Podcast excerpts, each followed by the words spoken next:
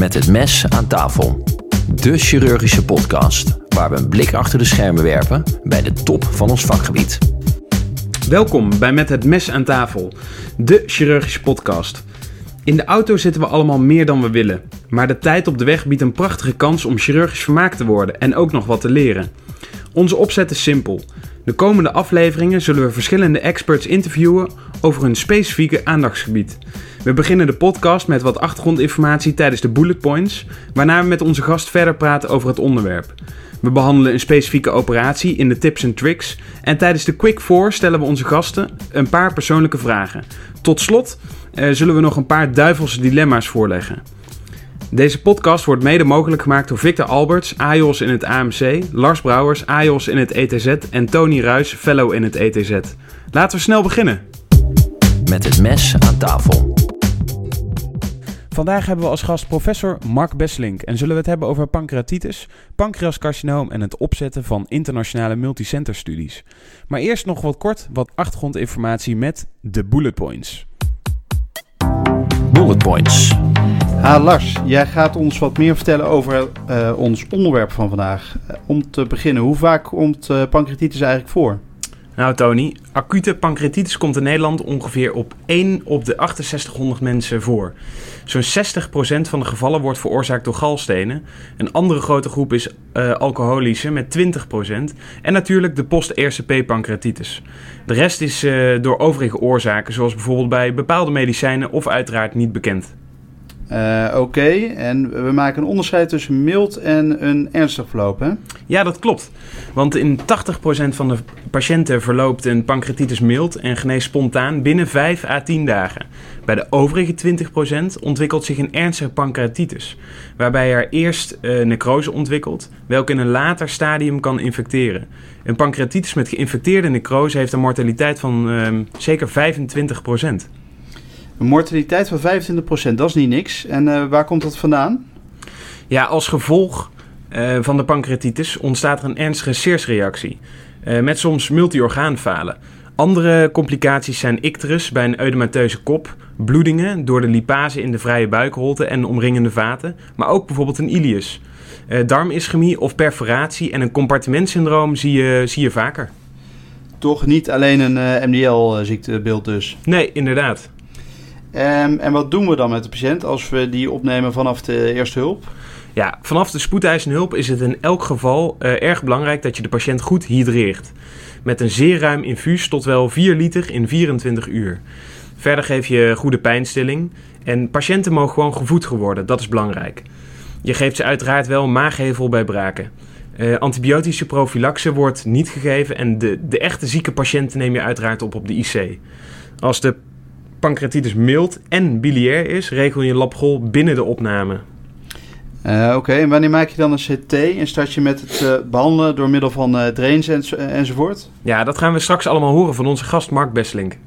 Oké, okay. maar dan nog even kort wat over die chronische pancreatitis. Ja, dat komt inderdaad veel minder vaak voor. Ongeveer 20 keer minder vaak dan acute pancreatitis.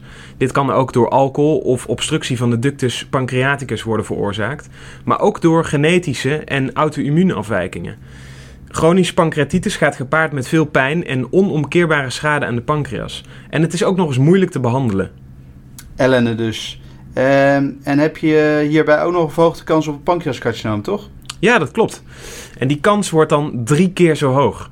Aangezien ons hoofdthema vandaag pancreatitis is, zal ik kort zijn. Maar een pancreascarcinomen zijn meestal adenocarcinomen, maar kunnen ook neuroendocrien zijn van origine. Overleving is slecht, waarbij 80% al lokaal gevorderd is of gemetastaseerd bij diagnose en de patiënt hooguit nog een jaar te leven heeft. Van de 20% die wel geopereerd kan worden, is zo'n 20% nog maar in leven na 5 jaar. Niet erg uh, opbeurend, Lars. Uh, laten we maar snel verder gaan met onze gast van vandaag. En dat is professor Mark Besselink. Met het mes aan tafel. Inmiddels is Mark Besselink bij ons aan tafel aangeschoven. Mark Besselink is HPB-chirurg en hoogleraar pancreatico-hepatobiliaire chirurgie aan het Amsterdam UMC. Hij studeerde in Utrecht en Oxford en promoveerde cum laude op het onderwerp acute pancreatitis. Hij is medeoprichter van de Pancreatitis Werkgroep Nederland, de Dutch Pancreatic Cancer Group en de European Consortium of uh, Minimally Invasive Pancreatic Surgery. Hij werkte mee aan negen internationale guidelines, zit in zes editorial boards en hij heeft op dit moment 15 promovendi, was promotor van 15, 6 promovendi en co-promotor van ook nog 6 promovendi. Hij schreef mee aan 16 boekhoofdstukken en gaf meer dan 100 invited lectures. Hij heeft inmiddels meer dan 400 artikelen op zijn naam staan, meer dan 2700 volgers op Twitter en maar liefst 21 volgers op Instagram. Mark, welkom. Dankjewel. Een indrukwekkende loopbaan en dat al op je 43ste. Uh, hoe heb je dat zo snel gedaan? Nou, ik denk vooral een kwestie van uh, vroeg beginnen en uh, enthousiast zijn voor wat je doet. Dus ik heb daar verder niet een hele speciale loopbaanplanning die daar aan de grondslag ligt. Maar ik heb al vanaf mijn studententijd onderzoek gedaan naar het pancreas. En eigenlijk altijd daar gebleven. En, en kun je eens vertellen hoe, waar je bent opgegroeid en opgeleid? En hoe... Opgegroeid in het oosten van Nederland, ja. in Twente. En daarna twee keer uitgeloot geweest voor geneeskunde. Twee jaar bioprocestechnologie gestudeerd in Wageningen, de Wageningen Universiteit. En toen was ik ontzettend blij dat ik werd ingelood. Uh, toen naar Utrecht gegaan voor geneeskunde, gepromoveerd in Utrecht en chirurgieopleiding in Utrecht. En van daaruit naar fellowship uh, AMC en Southampton. Heb je nog wat aan gehad, bioprocestechnologie? Echt helemaal niks. behalve dat ik 14 studiepunten korting had in mijn eerste jaar geneeskunde, wat natuurlijk ontzettend uh, lekker was. Voor allerlei moeilijke vakken die ik daarvoor al had gedaan. Nee, dat scheelt. Ja. En hoe, um, uh, Southampton, daar heb je een uh, fellowship gedaan? Ja, want ik had um, fellowship gedaan in, in toenmalige AMC, nu Amsterdam UMC.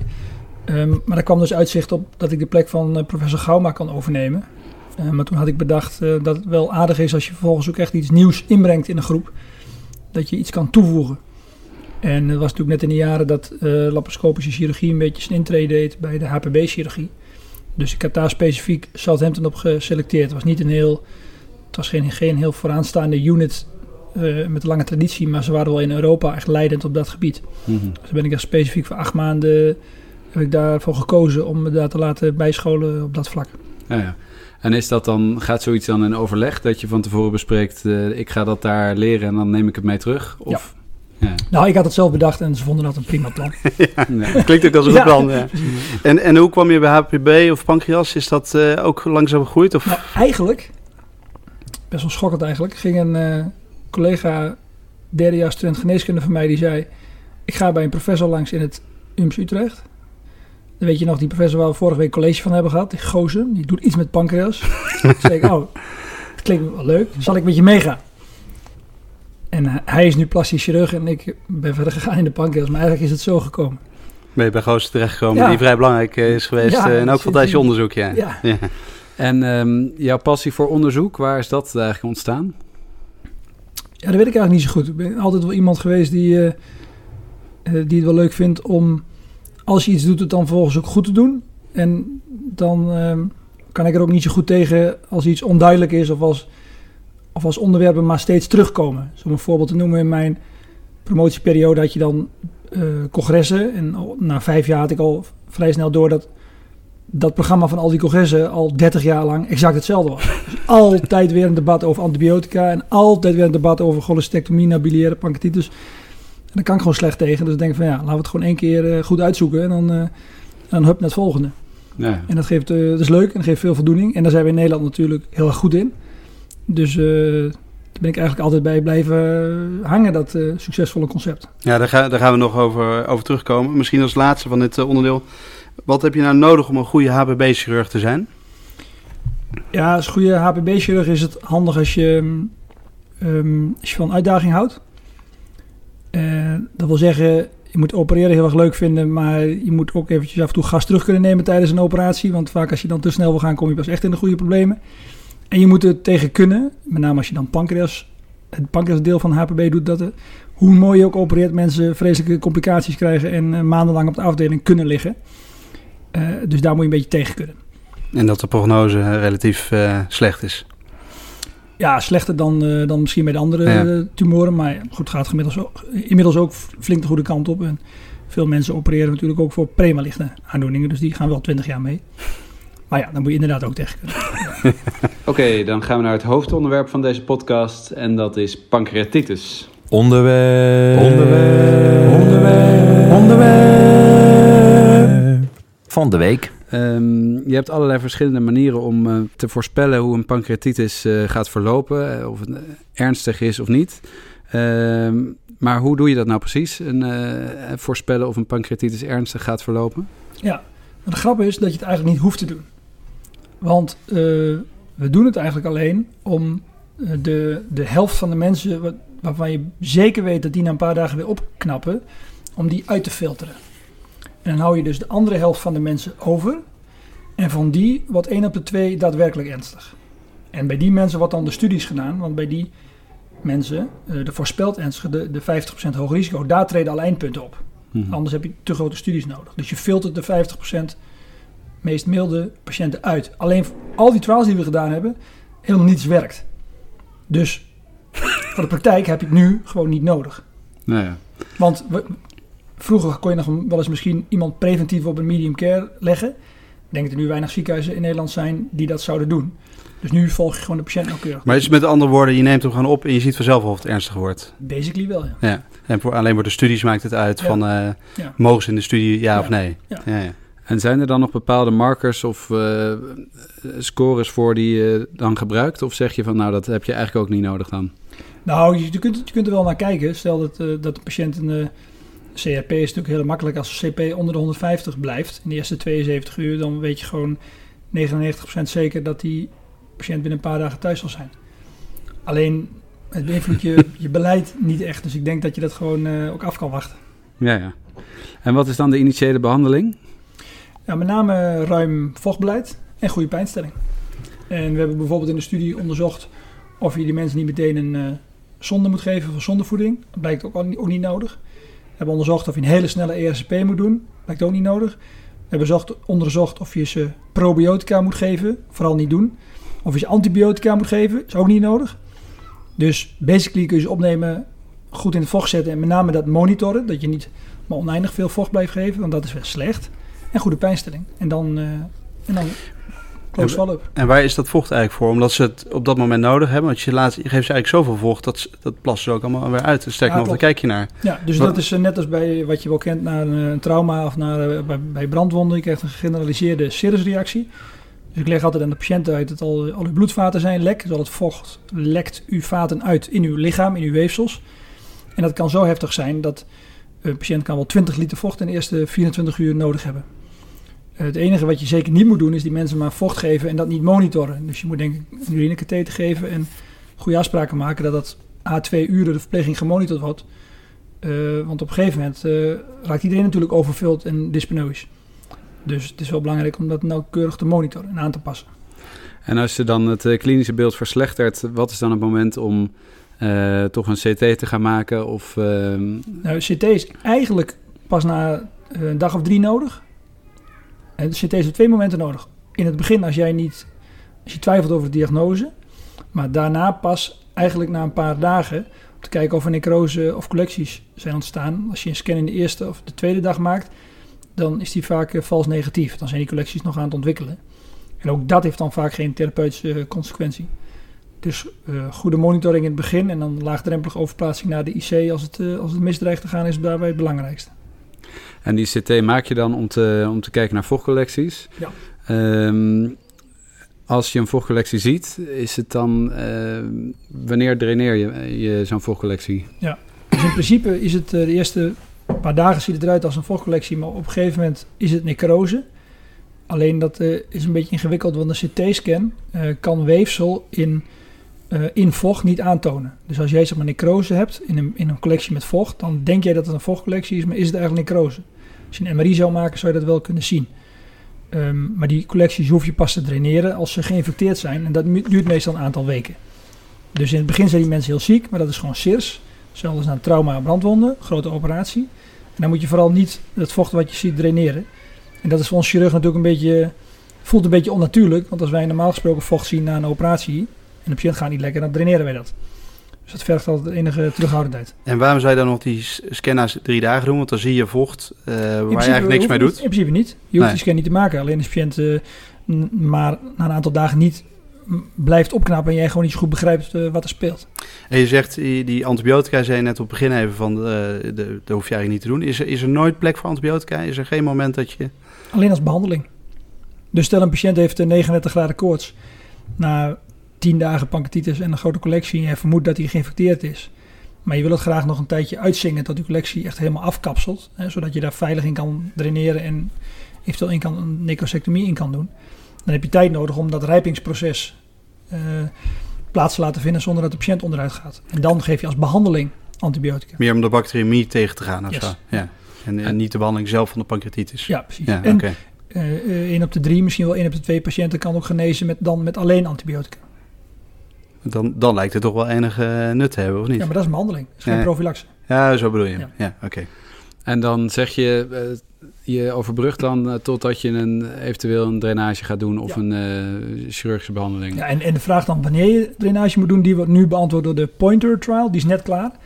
En die heeft onderzocht of je binnen 24 uur na aantonen van infectie meteen draineren. Versus wat we nu doen, wat dus zo tegennatuurlijk voelt. Antibiotica en rekken tot afkapseling, wat meestal een maand duurt. En kun je al En? iets zeggen over de uitslagen Ik daarvan? kan er niks over zeggen, behalve dat de uitkomsten spectaculair zullen zijn. Ah, Oké, nou, we, wachten met smart. Ehm, en dat, eh, de step-up approach, kun je die eh, toelichten? Dus die hebben we uitgezocht in een, in een promotieonderzoek destijds met, eh, met Jalma van Zandvoort, mijn eh, partner in crime bij de pancreatitiswerkgroep. Eh, we gingen, mijn toenmalige begeleider, professor Gozen, had bedacht dat als jij ernstig ziek bent, dan een eh, grote operatie doen om necrose te verwijderen jou in principe niet direct beter maakt. Hè? Dus eh, waarom niet eerst percutane drain doen en dan kijken of de patiënten daarmee redden. En als je dan toch een percutane drain hebt, eh, wat ons idee vervolgens, kun je die niet gebruiken om een kleine incisie langs die drain te maken. Om ehm, dan drain geleid minimaal invasief een uh, necrosectomie te doen. Waarbij je uit het peritone de peritoneaalholte wegblijft, dus retroperitoneaal. Dus de step-up approach is 1, afwachten, dat is de eerste stap. Stap 2, percutaan draineren. En dan pas stap 3, als die drainage niet voldoende is, langs die drain een kleine minimaal invasieve necrosectomie doen. Dus drie stappen. En hoeveel tijd zit daar eh, meestal tussen? Of kan je dat niet zo zeggen? Ja, dat is een onderwerp van uh, oneindige hoeveelheid gerandomiseerde trials die we nog uh, moeten doen. Maar in principe de eerste stap, dus eigenlijk is ook al DDD, delay, drain, debride. Dus de eerste D van delay denken we altijd nu dat je ongeveer een maand moet wachten. Dat duurt vier weken. Dan heb je die afkapseling, dan draineren. En wat we niet zo goed weten is hoe lang je moet draineren alvorens die volgende stap te nemen. En op grond van de tension trial denken we dat we eigenlijk tegenwoordig veel te lang wachten. Dat we eigenlijk gewoon na twee keer draineren eigenlijk al door moeten naar de, naar de volgende stap. Want de, dat hebben we eigenlijk weer bij de MDL-artsen gezien bij de tension trial. Dat die patiënten die gewoon na één transgastische drain meteen een necrosectomie kregen, die waren eigenlijk veel sneller weer op de been. Dus omdat het stapje na van doe nog maar een drain of doe maar een grotere drain is voor ons als chirurg zo klein. Hè, om dat te zeggen. De drempel is zo laag. Uh, dat we eigenlijk vergeten zijn uh, wanneer we die mensen moeten opereren. Dus waarschijnlijk moeten we dat gewoon weer wat vaker, wat eerder doen. En toen je begonnen met die step-up approach, was toen helemaal niet bekend om uh, retroperitoneaal dus zo'n uh, nee, dus debridement te doen? Precies, er werd wel eens een, uh, een twaalfde ribresectie gedaan. Want dan deed men een retroperitoneale operatie, maar dan zo groot dat er ook twee handen naar binnen moesten. Ja. Uh, maar dat is natuurlijk helemaal niet nodig, want het enige wat naar binnen hoeft is een lange korentang. Dus, uh, dus, dus, gaan, dus, dus simultaan was iemand in Amerika uh, bezig met die operatie, Karen Horvat. dus die had ik een keer een mailtje gestuurd van, goh, zal ik rondom een, het congres van de gastroenterologen, zullen we elkaar ontmoeten? En toen, ik weet nog goed dat ik haar ontmoette, zij dacht een soort grijze professor aan te treffen. En toen was ik daar als tweedejaars promovendus. En zij had die techniek in Amerika al, al, verder ontwikkeld. Dus we hebben eigenlijk gezamenlijk dat toen uitgedacht. Hoe je dat zo minimaal invasief mogelijk doet. En is er um, uh, dan ooit nog wel eens een indicatie voor een laparotomie? Ja, op zich is er helemaal niks mis met laparotomie. Als bijvoorbeeld de necrose heel uitgebreid is of alleen maar, zeg maar heel centraal zit, zodat je er van geen enkele kant meer bij kan. Maar dat is bijna nooit meer nodig, want of we kunnen er via de flank bij met een vaart, of de maag-darmaats kan er wel bij vanuit de, vanuit de maag. En, en niet andere indicaties zijn het dan nog wel om een laparotomie te doen? Als, als je... Ja, natuurlijk. Ja, dus zeker. Als jij een abdominaal compartimentsyndroom hebt of je hebt darmischemie, dat gebeurt natuurlijk nog uh, regelmatig. Dat zie je nog ja. wel. En dat is dan eigenlijk de reden om een laparotomie ja. te doen. Eigenlijk ja. vrijwel nooit meer de... Nee, sterker nog, het idee is zelfs dat je een, heel, als je een hele vroege laparotomie moet doen, binnen een paar dagen pancreatitis, dat je ook wegblijft uit het retroperitoneum. Omdat je dan zeg maar gewoon als gevolg van de serus en het orgaanfalen abdominaal compartimentsyndroom hebt met of zonder darmischemie, dat je dan die steriele necrose ongemoeid raakt, uh, laat. Want als jij die vanuit de buik opent, dan gaat zich dat in de weken daarna alleen maar weer opnieuw steeds, gaat die buik zich weer vullen met necrose vanuit de retroperitoneum. Dus je kunt het beste dat gewoon getamponeerd retroperitoneaal laten. Is. En, en zit daar dus de winst van de step-up? Dus eh, dat je Ja. het, het, het heel laat. Ja, want in, in, kijk, ik ben niet zo oud, maar in mijn opleidingstijd was het heel anders. Dan deden, kregen deze patiënten elke twee dagen een geplande relapatomie eh, op de intensive care met eindeloze hoeveelheid vistels en, en problemen. Omdat je dan al die, die ge- geactiveerd pancreassap en necrose kwam maar in de peritoneaal holte terecht met alle ellende van die. Dus echt een wereld van verschil hoe het nu gaat. Ja. Eh, en een duct disruptie, is dat... eh, wat weten we daar eigenlijk van? Nou, niet zoveel. Dus d- dat, ehm overigens wordt het tegenwoordig best wel vaak gezegd. Dus als jij bijvoorbeeld amylase meet in de drain bij pancreatitis, dan wordt gezegd, ja, amylase is hoog, is er ergens een ductdisruptie? Ja, dat zal wel, maar da- daar doe je in principe niks mee. Pas als, een, als je een patiënt hebt die na langere tijd steeds met collecties terugkomt en kijkt goed naar de scan, dan zie je vaak dat bij de nek van het pancreas eh, dat alles dat daar weg is. Dat de staart draineert in een holte. En bij, bij een deel van de mensen draineert dat gewoon goed met een pikteeltje naar de maag. Maar bij een deel blijft dat recidiverend problemen geven. En dan moet of de staart eruit of je moet een bypass kunnen zetten op die staart. Ja. En de, je hebt nu ook de endoscopische necrosectomie, heb je al een tijdje. Ja. En, en je hebt natuurlijk de percutanen waar we het over hebben. Hoe maak je het onderscheid? Eh, Heeft dat de lokalisatie, maakt dat uit? Of eh, hoe maak je die keuze? Dus dat was de Tension Trial in Ja. Lancet. Dus eh, eh, step-up approach endoscopisch versus step-up approach chirurgisch. En daar kwam uit dat eh, de kans op complicaties en de sterfte gelijk is. Alleen dat je met de endoscopische minder vistels hebt. Want je hebt wel vistels, maar die draineren inwendig. Dus Mhm. de patiënt merkt niet dat hij een vistel heeft. Eén. En twee, dat de patiënten sneller thuis wa- waren met endoscopisch. En dat lijkt te komen omdat daar gewoon sneller de volgende stap werd gezet van eh EUS-drainage naar EUS-necrosectomie. Terwijl in de chirurgische arm werd vaak gezegd nog 2, 3, 4, 5, 6 keer van traintje erbij, et cetera. Eh, dus in principe is het daardoor nu zo dat als de MD-laats er nu bij kan, dat we tegen de MD-laats zeggen, doe- beginnen jullie maar. Dat hij primair de eerste, eerste kans krijgt, als het kan. Ja. Oh ja. Terwijl eigenlijk strikt qua evidence is er dus qua, qua morbiditeit en mortaliteit geen verschil. Want ehm eh, pancreatitis is een, een ziektebeeld wat natuurlijk ergens tussen de chirurgie en de MDL-artsen in ligt. Eh, en soms is er wel eens discussie waar zo'n patiënt nou hoort te liggen bij de MDL of bij, bij de chirurgie. Wat denk jij daarvan? Ja, ik denk dat je, kijk, zeker nu wij allemaal doorspecialiseren in de chirurgie, dat het heel logisch is als we op een gegeven moment allemaal gecombineerde HPB-afdelingen hebben, bijvoorbeeld, waar dit benigne en maligne ligt en dan idem voor collectaal en upper GI. Maar voordat we daar zijn, dus gewoon nu in de huidige situatie. Nou, heel veel ziekenhuizen zijn er al of gaan daar nu heel snel naartoe. En er is verder niet, niet een zinnig antwoord op te zeggen. Ik weet dat sommige ziekenhuizen hebben gezegd eh diverticulitis naar de chirurgie en pancreatitis eh, naar de MDL. Want dat geldt, voor diverticulitis geldt dit ook. Ik ken ziekenhuizen die zeggen biliaire pancreatitis eh, naar de chirurgie. Want dan doe je tegenwoordig bijna nooit meer een ESCP, maar altijd een cholecystectomie. Ja. En ik heb allerlei variaties al gehoord. En, en je hebt natuurlijk de, de werkgroep pancreatitis ooit opgericht. Nou, hij heeft nu een vrij belangrijke rol binnen de binnen pancreatitis. Eh, wanneer moet je daarmee overleggen? En, eh, en wat is die rol nu van de pancreatitis? Is dat alleen de studies of heeft hij ook een andere rol? Ja, nou, hij gaandeweg is het, heeft hij een soort rol gekregen gewoon in de dagelijkse zorg. Dat iedereen daar heel laagdrempelig mee overlegt. Maar eh, die, dat expert panel is ooit opgericht puur voor, als screeningsmodule voor studies. Maar je kunt daar gewoon gratis en om niet eh 24-7 mee overleggen. Als je, als je daar behoefte aan hebt. Dat de- staat niet in de richtlijn dat er een bepaalde indicatie is wanneer je per se moet overleggen. Nee, maar niet moet. Maar wanneer zou je mensen aanraden? Of zeg je gewoon als je Nou, er gewoon niet uitkomt? gemiddeld- gemiddeld ziekenhuis ziet eh, twee of drie keer per jaar iemand met een geïnfecteerde necrose. Ja, Ja. En, en, en dan is er een 24-7 aanwezig panel van landelijke experts. Ja, als je die niet raadpleegt en je patiënt overlijdt, dan, dan is het wel lastig uit te leggen waarom je die niet even hebt geraadpleegd, Ja. denk ik. En, en doorsturen, zou je nog snel, moeten patiënten doorgestuurd worden naar een centrum? Of Nou ja, kijk, de, de- kan het gewoon met het advies van het panel? Grappig Of, is dat panel, daar zit, daar zit geen eh, voorzitter in of zo. Dus je krijgt gewoon eh, acht of vier tot acht of zo meningen.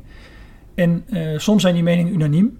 En dan is bijvoorbeeld de uitkomst EUS, drainage, necrosectomie. En als dat ziekenhuis dat niet kan, dan moet hij in dat geval waarschijnlijk dan een soort verstandig zijn om die door te sturen. Maar soms komt er panel acht gevallen percutane drainage. Dat kan vaak wel overal. En soms is het panel totaal oneens. En dan kun je kijken wat jij wel kan, dan kun je dat ook doen. Dus, het, dus je kunt gewoon kijken wat, eh, wat de adviezen zijn. Maar, maar los van de adviezen zou je ook wel kunnen beargumenteren dat je ze nu dan de echte complexe gevallen op een, op, ja, op een plek wil hebben waar ze dat gewoon vaak zien. Ja. Wat ik, wat ik denk wat je zou moeten krijgen is gewoon op de... Je hebt in Nederland heeft een aantal regio's. Nou, die, die tekenen zich steeds meer af. Ik denk zes tot acht regio's waar heel Nederland zo'n beetje in is verdeeld. Uh, rondom de academische ziekenhuizen. En je krijgt denk ik uh, in toenemende mate gewoon een verpleegkundige specialist in zo'n centraal centrum. Uh, die dan heel laagdrempelig kan overleggen met de lokale ziekenhuizen. en zo nodig dat de patiënt dan overkomt bijvoorbeeld op het juiste moment. Want daar gaat het om. De patiënt komt over op het juiste moment. Bijvoorbeeld is er dus een, interventie nodig. Dan doe je in het centrale ziekenhuis, in het netwerk, doe je één of twee interventies. En dan gaat de patiënt weer terug. En met wel voortgaande begeleiding vanuit het uh, centrale centrum in zo'n netwerk. Ja, en misschien is het moeilijk uh, van de behandeling de beslisvorming en niet zozeer de ingreep. Of is dat uh, te veel gezegd? Nou, de, in de lengte van de behandeling is zeg maar de, de, de, de periode rondom de interventie kan kort zijn. Dus dan hebben wij wel eens een patiënt die heeft dan bijvoorbeeld in overleg met die heeft dan bijvoorbeeld bij ons een, een drain gekregen, is dan teruggegaan naar een ander centrum en komt dan weer twee, drie dagen over voor een necrosectomie en dan weer terug. Dus in die ideale setting dat uh, grote ziekenhuizen oneindig hoeveelheid bedden hebben, kun je al, die patiënten naar jezelf toetrekken. Maar dat is, A, is, die, is de wereld niet zo en B, is het ook heel vaak niet nodig. Dus ik denk dat dat best wel, uh, dat heel veel zorg gewoon dichtbij kan blijven. En alleen af en toe voor een interventie de patiënt uh, een aantal dagen of een week naar het, laat me hoogvolumecentrum even noemen, dan gaat. Ja, en dan misschien als laatste over de acute pancreatitis. Wat zijn nou echt de grote vragen die wat jou betreft open liggen? Wat moet er nog beantwoord worden? Nou, we hebben nog op geen enkele manier iets gevonden wat als jij, als jij gewoon pancreatitis krijgt, uh, dat je dat proces op zich kan afremmen. Dus we hebben heel veel studies gedaan als jij verder in de ziekte bent, je hebt geïnfecteerde necrose, wat je dan moet doen. Maar jij komt gewoon, als je binnenkomt met pancreatitis, dan kun je gewoon binnen een, drie dagen overleden zijn orgaanverhalen, of een dag zelfs. En we hebben nog niets ontdekt wat dat afremt. Dus dat is de, de hoofdvraag nu nog. En uh, chronische pancreatitis heb je, um, uh, dat is wel een ander ziektebeeld eigenlijk. Um, zijn daar nog dingen uh, over te zeggen op dit moment die op dit moment hot topic zijn? Ja, heel veel. Daar hebben we net een hele grote subsidie voor gekregen om een, een landelijke implementatietrial te doen, waarbij we de Europese richtlijn stapsgewijs in Nederland implementeren. En daarbij allerlei zaken als voeding, pijn, pijnbeleid, endoscopische chirurgische interventie allemaal proberen helemaal up to par te krijgen. En, uh, en daar gelden in grote lijnen geldt daar hetzelfde voor, behalve dat er heel fatalistisch over wordt gedacht. Dus we hebben bijvoorbeeld mensen die, die zijn al bij wijze van spreken naar het palliatief pijnteam uh, gestuurd voordat ze eens een keer worden aangeboden voor een operatie. Waarbij ze dan na een, operatie van drie uur en vijf dagen in het ziekenhuis volledig pijnvrij weer naar huis gaan. Want nu is recent die, die, uh, de Escape Trial uitgekomen, ja. hè? Kan je daar wat over zeggen hoe we dat nu moeten gaan implementeren? Betekent ja. dat dat we bijna iedereen moeten gaan opereren of juist ja, niet? Of? Dit is een escape trial, uh, getrokken door uh, de Maya Boermeester. Die uh, patiënten binnen drie maanden dat ze begonnen met morfine, dat ze morfine nodig hadden met chronische pancreatitis, meteen opereren. Versus de, um, de huidige stappen van pijnstilling, endoscopie, nog een keer endoscopie en misschien op het eind chirurgie. Dat meteen chirurgie beter is. Dus het komt erop neer dat, dat je eigenlijk binnen een paar maanden na stap morfine moet je bij in ieder geval beoordeeld zijn door een multidisciplinair team. Uh, wat een MDO heeft, specifiek over chronische pancreatitis. En dat zijn gewoon niet zoveel plekken in Nederland die daar een specifiek MDO voor hebben. Uh, ben ik bang. Maar dat kan natuurlijk vrij eenvoudig besproken worden met zo'n team. Want, want hoe verwacht je dat dit opgepakt gaat worden? Want dat is best wel groot verschil natuurlijk met wat, wat het eerst was, denk ik. Ja, iedereen wist al wel dat uh, chirurgie beter was. Dus het was al eerder een keer een studie gedaan, mm -hmm. onder leiding van uh, Marco Bruno, die toen nog in het AMC zat. Alleen, um, uh, dat waren patiënten die vaak al jaren aan de morfine zaten. Dus uh, wat we hadden gedacht is dat, uh, dat heel vroeg opereren beter is. En gek genoeg is het wel beter dan endoscopie, maar het is nog niet zo dat je dan een 90% succes gaat bij die patiënten. Dus daar zijn we eigenlijk nog niet helemaal uit. Ik denk dat, dat de endoscopisten gewoon één of twee keer gaat proberen. En als het niet werkt, meteen door naar chirurgie. Terwijl ze nu vaak 10, 20 keer proberen met ESCP's en dan pas naar de chirurgie. Dus ik denk dat als ze allemaal die studie gelezen hebben, gaan ze dat ja, zo dat doen. Hebben ze wel. dat hebben ze wel. Ja, dat zal je, dat zal je verbazen. Ja. Um, Oké, nou naast uh, pancreatitis hou je um, uh, veel bezig met pancreascarcinoom. Uh, daar zijn ook een hoop recente ontwikkelingen. Volvirinox is een belangrijke stap of een, ja, geleid tot een verbetering van de overleving van pancreascarcinoompatiënten. Um, verder, je doet ook onderzoek naar ablatie van pancreascarcinomen. Ehm, wat zijn daarin nu de, de meest hoopvolle eh, ontwikkelingen wat jou betreft? Ja, de meest hoopvolle ontwikkeling is dat de ablatie-trial, de Pelican Trial, heel langzaam loopt. Dat is hoopvol. En dat is ontzettend hoopvol. Daar kan iemand in, bedoel je? Ja, de- heel veel mensen die, die komen omdat ze denken dat ze daarin kunnen. En dan blijken we toch na Virinox de tumor alsnog te kunnen verwijderen met de resectie. Dus we hebben nu bijvoorbeeld eh, alleen in ons ziekenhuis al 60 resecties gedaan de afgelopen vijf jaar. Bij mensen die upfront, waarbij het leek dat de resectie niet mogelijk was, dankzij Virinox. En de gemiddelde overleving van die 60 mensen is 29 maanden. Eh, vijf jaar geleden was de gemiddelde resectie van de wippel voor pancreascarcinoom 13 maanden. Ja. Dus dat lijkt dat al flink. winst eh, geboekt is. Dus En, en zie je dan niet in je MDO eigenlijk al een, een verandering waardoor je eigenlijk al iets sneller gaat denken van... Hey, vroeger was het niet resectabel en nu ga je al iets sneller... Nou, laten we hem eerst wat Volvirinox geven. Dat je al sneller iets niet resectabel noemt, Ja, zodat je hem je- ja, kan beginnen met de hebt dus die, eh, die, die, die cut-off, zeg maar. De, en daar houden we ons heel strikt aan. Dus tot, alles tot 90 graden arterieel cont- contact is gewoon eh, eh, borderline resectabel. En daarboven is het lokaal gevorderd. En alle patiënten met lokaal gevorderd carcinoom, hoe uitgebreid lokaal gevorderd ook, gaan gewoon allemaal voor twee maanden van Virinox. Als ze dat aan kunnen. En komen dan terug naar twee maanden herbe- voor herbeoordeling. Maar dat moment dat ze voor herbeoordeling komen, dat is het probleem. Want maar 1 op de 10 heeft op de CT echt zichtbare regressie van de tumor. Terwijl eigenlijk eh, 6 op de 10 dat in werkelijkheid heeft. Eh, dus bij de helft van de mensen kun je de regressie van de tumor niet aantonen met een CT-scan. Dus dat is een ongelooflijk ingewikkelde puzzel wie je dan wel en niet eh, opereert. Een gok, of niet? Nou, wat we nu doen is dat we gewoon mensen tussen de 90 en 180 graden eh, opereren. Soms net ietsje verder. Maar daarmee in Nederland eh, verwijderen we nu 8% van de lokaal gevorderde pancreascarcinomen na chemo. En internationaal in de grote centra is dat 28%. Dus we kunnen daar gewoon nog eh vier, vijf keer zoveel doen. Alleen die selectie is best wel ingewikkeld. Dus misschien moet je wel gewoon iedereen dan opereren. Eh, maar goed, dit is weer de vraag, ja, gaan we dan niet te veel brokken maken en waar gaan we dat dan allemaal doen? Gaat iedereen dat doen? Of... Dus dat is, daar zijn we nu mee bezig om daarover na te denken. En maakt de voorbehandeling de operatie lastiger? Eh, voorbehandeling met uh, vind ik niet. Ik heb bijvoorbeeld vanochtend uh, een laparoscopische pancreastaat gedaan. Patiënt die zat in de Preopanc trial en toen ook nog in het diploma trial van minimaal invasief versus open. Daar merk je echt helemaal niets van van Virinox doorgaans. Kan wel, maar uh, chemoradiotherapie merk je wel iets meer fibrose van, maar in principe ook niet heel dramatisch. Je hebt meer last van pancreatitis door een stent dan van de chemoradiatie of de. Ja. En uh, je maakt zelf wel een beetje een bruggetje naar de minimaal invasieve uh, uh, chirurgie die we nu dus ook bij de Sintrede heeft gedaan uh, bij de pancreaschirurgie. Um, wat denk ik de meeste mensen ook wel willen horen. Hè? We hebben een, studie gedaan in Nederland die laat zien, of ja, die afgebroken is bij laparoscopie. En toen was het antwoord, dan beginnen met de robot. Ja, dus we hadden eerst het trainingsprogramma gedaan voor pancreastaten en toen een trial voor pancreastaten, Leopard 1. Nou, hele goede resultaten. Echt, echt heel goed. Toen een trainingsprogramma voor laparoscopische wippel en de Leopard 2 trial. Die is inderdaad afgebroken. Uh, gek genoeg aantal lekkages van de pancreasanastomose tot de galweganastomose exact gelijk. Ook in de afgebroken trial. Um, en twee andere trials van centra die al verderop in de uh, learning curve zaten. Ook positieve resultaten van laparoscopische wippel. Um, goed, we hebben met al die chirurgen die mee hebben gedaan aan die trial en alle andere chirurgen samengezeten en gezegd: ja, dit is gewoon te risicovol. Want we zagen ook nog niet eens een voordeel voor de patiënt. En daar was toen, net op dat moment kwam de robot.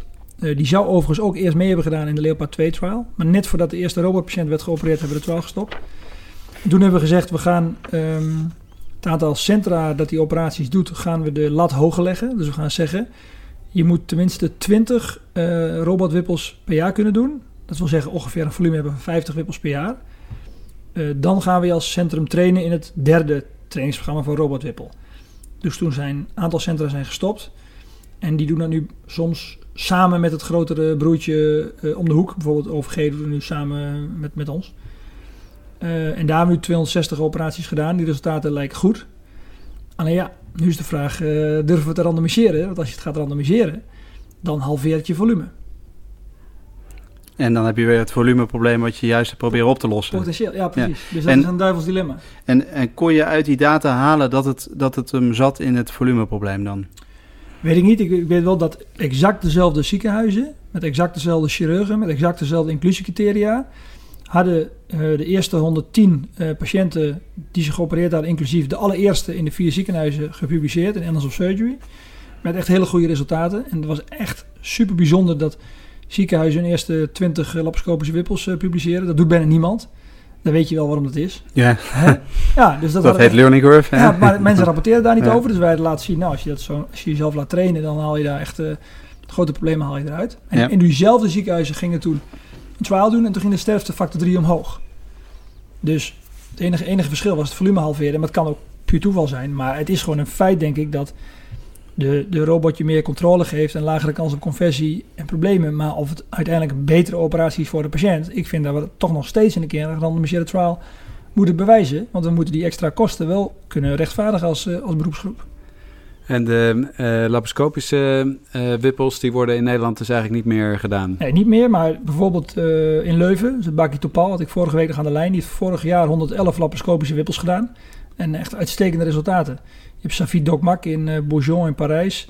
En Igor Katov in eh, Moskou. En die doen het dan ook echt zeg maar 50, 60 keer per jaar. Met echt hele goede resultaten. Dus tu natuurlijk kan dat. Maar de vraag is een beetje, als je gewoon een robotwippel beschikbaar hebt. En we hebben daar een heel mooi trainingsprogramma voor. Ja, dan waarom je jezelf dan moeilijk maken laparoscopisch als het ook met de robot kan. Maar dat is, dat, dat remains to be proven, vind ik. Ja, want je bent ehm, medeoprichter van het Europees Consortium voor Minimaal Invasieve Pancreaschirurgie. Is er nou veel eh, verschil in de Europese centra? Volgens mij zijn er 121 ziekenhuizen die, eh, die daaraan meedoen. Ehm, kun je daar iets over zeggen? Of, dat, eh, of daar grote verschillen zijn? Nou, ik denk wel dat wij met de, met de grote Nederlandse centra zitten wij in de top 5 van Europa qua volume minimaal invasief. Dus Nederland heeft het echt zoals gebruikelijk heel laat opgepakt, maar dan wel meteen heel ver doorgevoerd. Dus we zijn echt in, binnen twee jaar echt van drie, vier jaar misschien een beetje van, van achterlopen naar koplopen gegaan. Ja. Dus dat is het grootste verschil, dat wij het meteen grootschalig hebben opgepakt. En, ehm, en verschillen tussen eh, robot- en laparoscopische technieken in Europa, is dat... eh, hoeveel centra doen er nu of robotwippels? In, eh, In Europa een stuk of twintig. En, en laparoscopisch nog een stuk of acht. ja, ja. Dus het is wel, het is echt aan, aan het kenteren. En het probleem is een beetje, kijk, als jij, ik denk nog steeds dat als jij eh, elke week of om de week een laparoscopische wippel doet, dat dat een prima operatie is. Want dat bleek ook uit de drie gerandomiseerde trials, dat de lekkageproblemen, et cetera, niet hoger waren bij laparoscopisch dan open. Dus het is ook prima te leren. Alleen ja, de vraag is een beetje, ga jij eh, eh, lopend met een blinddoek op de Kilimanjaro op of met een, met een jeep? ja, Dus je komt er wel. Maar ja, het kan makkelijker. Ja. ja, ja. En, en hoe leg je het aan je patiënten uit? Bijvoorbeeld je eerste robotwippel. Wat, wat zeg je dan tegen zo'n patiënt? Van, ik heb nog nooit die hele robot gebruikt, eh, maar eh, we moeten, u moet, eh, de, Nou, dat- dat moet was- iemand de eerste zijn? Ja, dat was bij ons makkelijker dan in andere zieken. Wij konden zeggen, de vorige 54 hebben we laparoscopisch gedaan. Nu gaan we met een robot doen. En die maakt het ons makkelijker. Want we hoeven niet met al die ingewikkelde instrumenten te werken. We kunnen nu in uw buik hebben veel meer bewegelijkheid. We zien het veel groter, we zien het veel stabieler. Eh, maar belangrijk is dat het aantal complicaties eh, niet minder is bij de robot. Want de, de- we hechten dezelfde dingen aan elkaar en het lekt evenveel. Het enige wat, wat als u bij de 50% patiënten hoort met nul complicaties, dan bent u snel op de been. Maar als het bij u gaat lekker, ligt u even lang in het ziekenhuis als bij een open operatie. En de bias in de bevolking is dat iedereen, ja, robot, ja, dat, eh, wie wil dat? Ja. Ja, dat is echt heel vreemd. Ja. Dus, dus je moet het uitleggen. Ik heb elke patiënt persoonlijk uitgelegd. Maar gek genoeg, en iedereen kent het ook van de prostaat, et cetera. Dat wordt heel makkelijk opgepakt door eh, patiënten. Maar je moet het wel echt separaat met ze bespreken. En als, Ja. en als het de eerste of je tweede is, dan, dan is het natuurlijk nog veel ingewikkelder. Ja, ja. Want dan moet je vertellen dat je je eigen, complicatie, eigen complicatiekansen niet exact kan vertellen. En dat doe je dus ook. Ja. Ja. Ehm, misschien moeten wij door naar de tips en tricks, eh, Victor. Eh, ja, We gaan het nu hebben over ehm, ja, iets wat je toch ook wel hebt laten zien dat je het kan. eh, het opzetten van grote samenwerkingsverbanden. Ehm, en het is een onderdeel waar we kort even een paar tips willen hebben hoe, hoe je dat nou precies doet. Ehm, hè, je, je zei al, ehm, eh, je moet ergens beginnen, maar kan je iets over zeggen? Hoe, hoe start je nou dit soort verbanden op waar eigenlijk de hele wereld eh, jaloers naar kijkt? Nou, ik denk belangrijk om te beseffen dat het niet mijn eh, tips en tricks zijn. Want het is eigenlijk de, de BV Chirurgie Nederland, die echt wereldberoemd is. Je kunt willekeurig congres aan de wereld binnenlopen en vragen waar doen ze de beste chirurgische multicentrische trials. En dan zegt eh 9 van de 10 zeggen ze Nederland. Dat is echt zo. Eh, we hebben voor de eh, DPCG hebben we het net opgeschreven. Het komt binnenkort in de Annals of Surgery. Een soort van How I Do It. Ja. Ja. How we do it dan? Ja, ja, precies. Ehm, maar de, het schema is nog steeds ongeveer hetzelfde. Dus namelijk eh, een groep eh, mensen verzamelen uit een, eh, uit een flinke groep ziekenhuizen. Kijk, je kunt zeggen begin met één vriendje uit een naburig ziekenhuis. Maar dan, wordt, dan is de stap van daar naar een landelijke werkgroep vrij lastig. Dus vind tenminste tien vrienden uit tien ziekenhuizen die daar een, eh, een stafplek hebben en nog niet eh, gezetteld zijn in, in, in de nadagen van hun carrière zitten. Maar net zeg maar de, de, de jonge stafleden, enthousiaste stafleden. Of, of Zoek tussen de 35 en 40 dus. als mensen die dat, die dat gaan worden. Ja. En, eh, en dan moeten gewoon vooral vrienden zijn en die moeten elkaar vertrouwen. Wat helpt als je begint met een, eh, met een voorzitter die al wel wat meer senior is. Die, waarvan iedereen weet, nou die, die hoeft niet zeg maar... Die hoeft zijn carrière niet te bouwen op de resultaten van die groep. Als je begrijpt wat ik bedoel. Dus die, die is al gearriveerd. Maar die staat bekend als een betrouwbaar leidend persoon. Dat hadden wij bij de Pancreatitiswerkgroep Hein Gozen. Bij de DPSG Olivier Bus. Typisch personen die, ja, die, die iedereen vertrouwt. Waar iedereen goed mee overweg kan. En die kan dan zo'n pro- proces de eerste paar jaar begeleiden. En dan daarna draait zo'n voorzitterschap door. En ja, op een gegeven moment eh, afspraken maken. eh, bij elk project eh, zwart op wit de auteursafspraken. Want dat is iets waar, waar vaak problemen over ontstaan. En gewoon zoeken naar een onderwerp wat je gezamenlijk leuk vindt. En dan misschien niet meteen beginnen met de eh kwantummechanica, maar met iets simpels als uh, drain in, drain uit. Of gewoon een, een praktisch onderwerp wat dagelijks speelt. Heel lang met elkaar nadenken over het protocol. Dat iedereen echt, want daar ging het vroeger wel eens mis. Dan werd zeg maar achter één bureau eh, met een professor, eh was dat twee weken met een dikke sigaar een protocol te schrijven. En ronde dat af en stuurde dat dan rond en zei van wil jij meedoen met mijn trial? En dat, dat gaat wel, maar het werkt niet. Dus als jij zeg maar, echt met die groep de tijd neemt om iedereen te luisteren en daar zeg maar, een jaar lang even uit te trekken, dan is die studie vervolgens twee jaar eerder klaar. Omdat als er dan een patiënt is op vrijdagmiddag vier uur, eh, die mensen ook echt de moeite erin steken om die patiënt in die studie te stoppen, omdat het ook voelt als hun studie. Ja, iedereen, van- iedereen heeft het bedacht in Ja, plaats van... Van de groep. Ja. En dat, dat is cruciaal. Dus dat, en dat wijgevoel. En dan de ene keer komt de trial daar vandaan en doet de rest mee. En de andere keer komt de trial daar weer vandaan en doet iedereen ook daar weer aan mee. En dat, dat, dat wijgevoel moet je koesteren. Maar zou je ook zeggen dat dan eigenlijk eh, individuele personen binnen zo'n groep eigenlijk dus niet, niet zo belangrijk zijn? Of Nou, er is een soort, je hebt toch wel een paar Ja, er is een soort lijnen natuurwet. figuren. dus het is een soort na- natuurwet. Als jij zeg maar zegt van wie wil in het, eh, in het bestuur van dit clubje, dan melden zich twintig mensen aan. En dan, en dan prima. En dan na drie maanden, dan na vier, vijf maanden, dan merk je wel dat er eigenlijk maar zes mensen zijn die, die het meeste werk verrichten. Dus dat gaat eigenlijk heel eh, natuurlijk. Dus dat moet je ook vooral gewoon laten gebeuren. En er zijn, er zijn toch altijd maar een aantal mensen die met ideeën komen. En zolang als, als die het maar met iedereen open en eerlijk bespreken en iedereen in zijn waarde laten, dat we al die, hè, noemen ze maar twintig ziekenhuizen, ook, ook even belangrijk zijn, dan gaat zoiets draaien. Ja, en ehm, nou heb je ook eh, wel wat eh, eh, tegenvallers gehad. Dus de Popatria, Leopard 2, hè, die zijn gestopt. Hoe ga je daarmee om? Is dat belangrijk in zo'n groep? Of hoe? Ja, nou ja, ik vind zelf dat van een, zoals jij het noemt, tegenvaller, die hebben waarschijnlijk meer impact op de chirurgische praktijk dan een meevaller. Zeg maar Leopard 1, eh, aangetoond dat minimaal invasieve pancreastaart beter is dan open. Ja, dan zeggen de meeste mensen, ja, dat is een no-brainer, dat wist ik al wel. Hè? Eh, en laparoscopische wippel heeft ervoor gezorgd dat die operatie helemaal niet meer gedaan werd in Nederland. Dus de vraag is, zeg maar, waaraan we het meest hebben. Het probleem is een beetje dat in de media vroegtijdig gestopte studies heel erg negatief worden eh, uitgemeten. Net alsof je een fout hebt gemaakt. Maar zo'n studie als de drainage trial met, met professor van Gulik heeft echt, die heeft meer, ehm, Impact. meer impact. omdat je gewoon merkte dat iets wat je altijd al deed slecht was voor de patiënt. Ja. Dus ik zie die, ik, kijk, ik heb van beide studies heel veel geleerd, maar ik zie dat niet per se als een tegenvaller.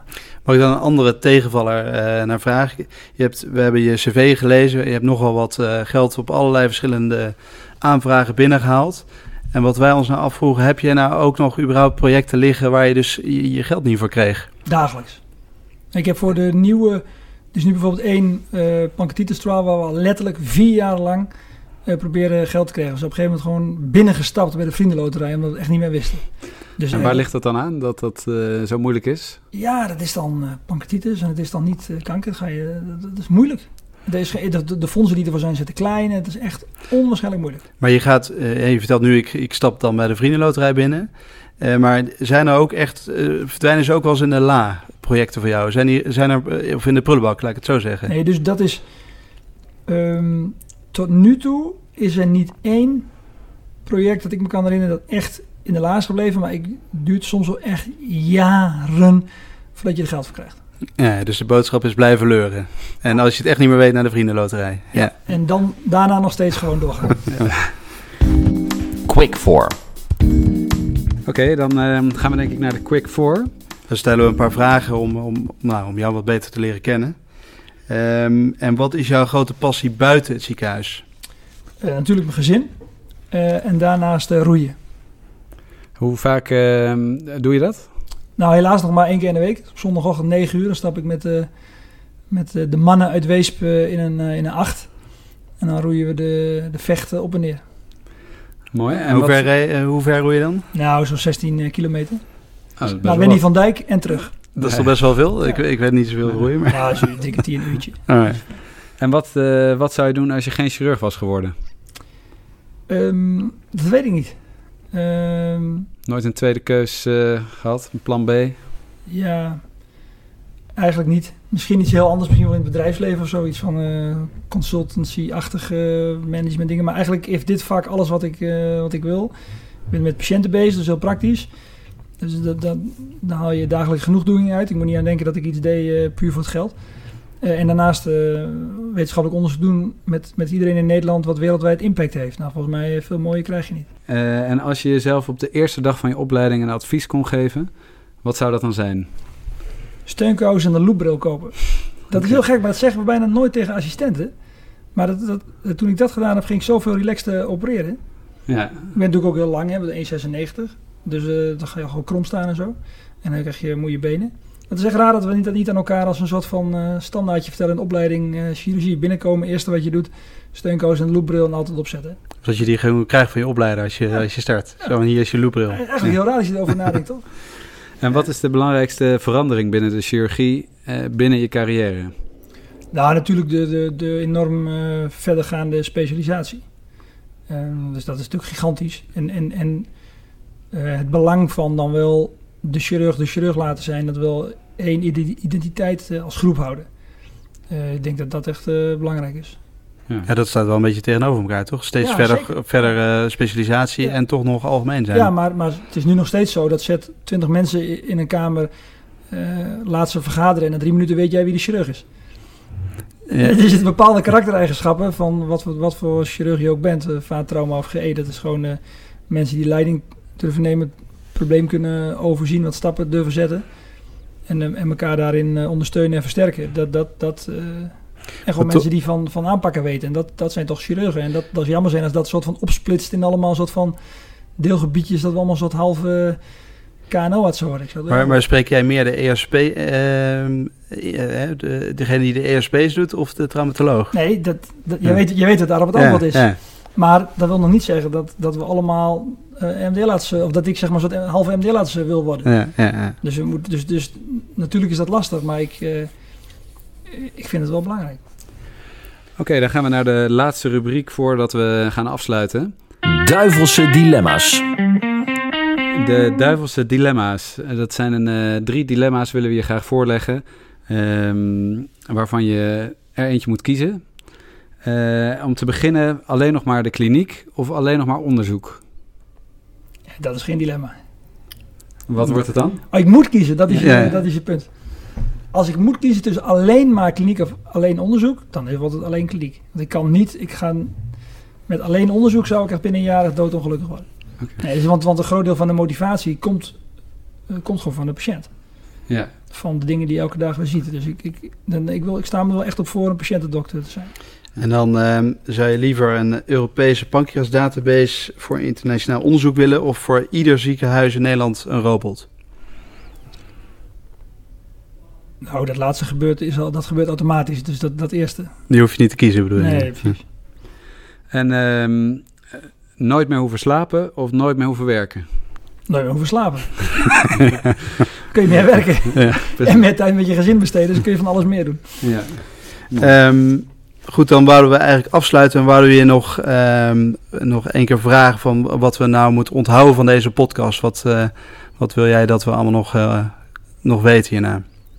Nou, gewoon in het algemene zin dat we in Nederland door onze manier van samenwerken echt dingen kunnen doen die de rest van de wereld niet kan. Dus het is ook een soort van beetje onze verantwoordelijkheid als Nederlandse chirurg. Doordat wij zo kunnen samenwerken, geven we de andere, geven we de chirurg in de rest van de wereld antwoorden op de vragen die zij hebben. Uh, dus dat moeten we doen. Dus we moeten elkaar vast blijven houden. En naarmate sommige ziekenhuizen, zie je nu in Amsterdam, uh, steeds groter worden, niet vergeten dat we nog steeds moeten hebben van samenwerken. En dat we niet, wij niet en anderen niet moeten denken dat we zo groot zijn dat we dan vervolgens op zijn Amerikaans het allemaal in ons uppie gaan zitten doen. Ik denk dat we elkaar in Nederland bij elkaar moeten blijven. En dat we dan uh, die antwoorden blijven geven, op die kunnen blijven geven die de vragen en de, rest, de chirurg en de rest van de wereld uh, hebben. Goed, dankjewel uh, Mark. Ja, hiermee zijn we aan het einde gekomen van de eerste aflevering van de podcastserie Met het mes aan tafel. Met vandaag de gast professor Mark Besselink over pancreatitis. Luisteraars, jullie feedback kunnen jullie mailen naar methetmesaantafel.gmail.com. Voor ons is het maken van deze podcast ook nieuw. We horen graag wat jullie ervan vinden. In ieder geval dank voor het luisteren en graag tot de volgende keer. Dit was Met het mes aan tafel.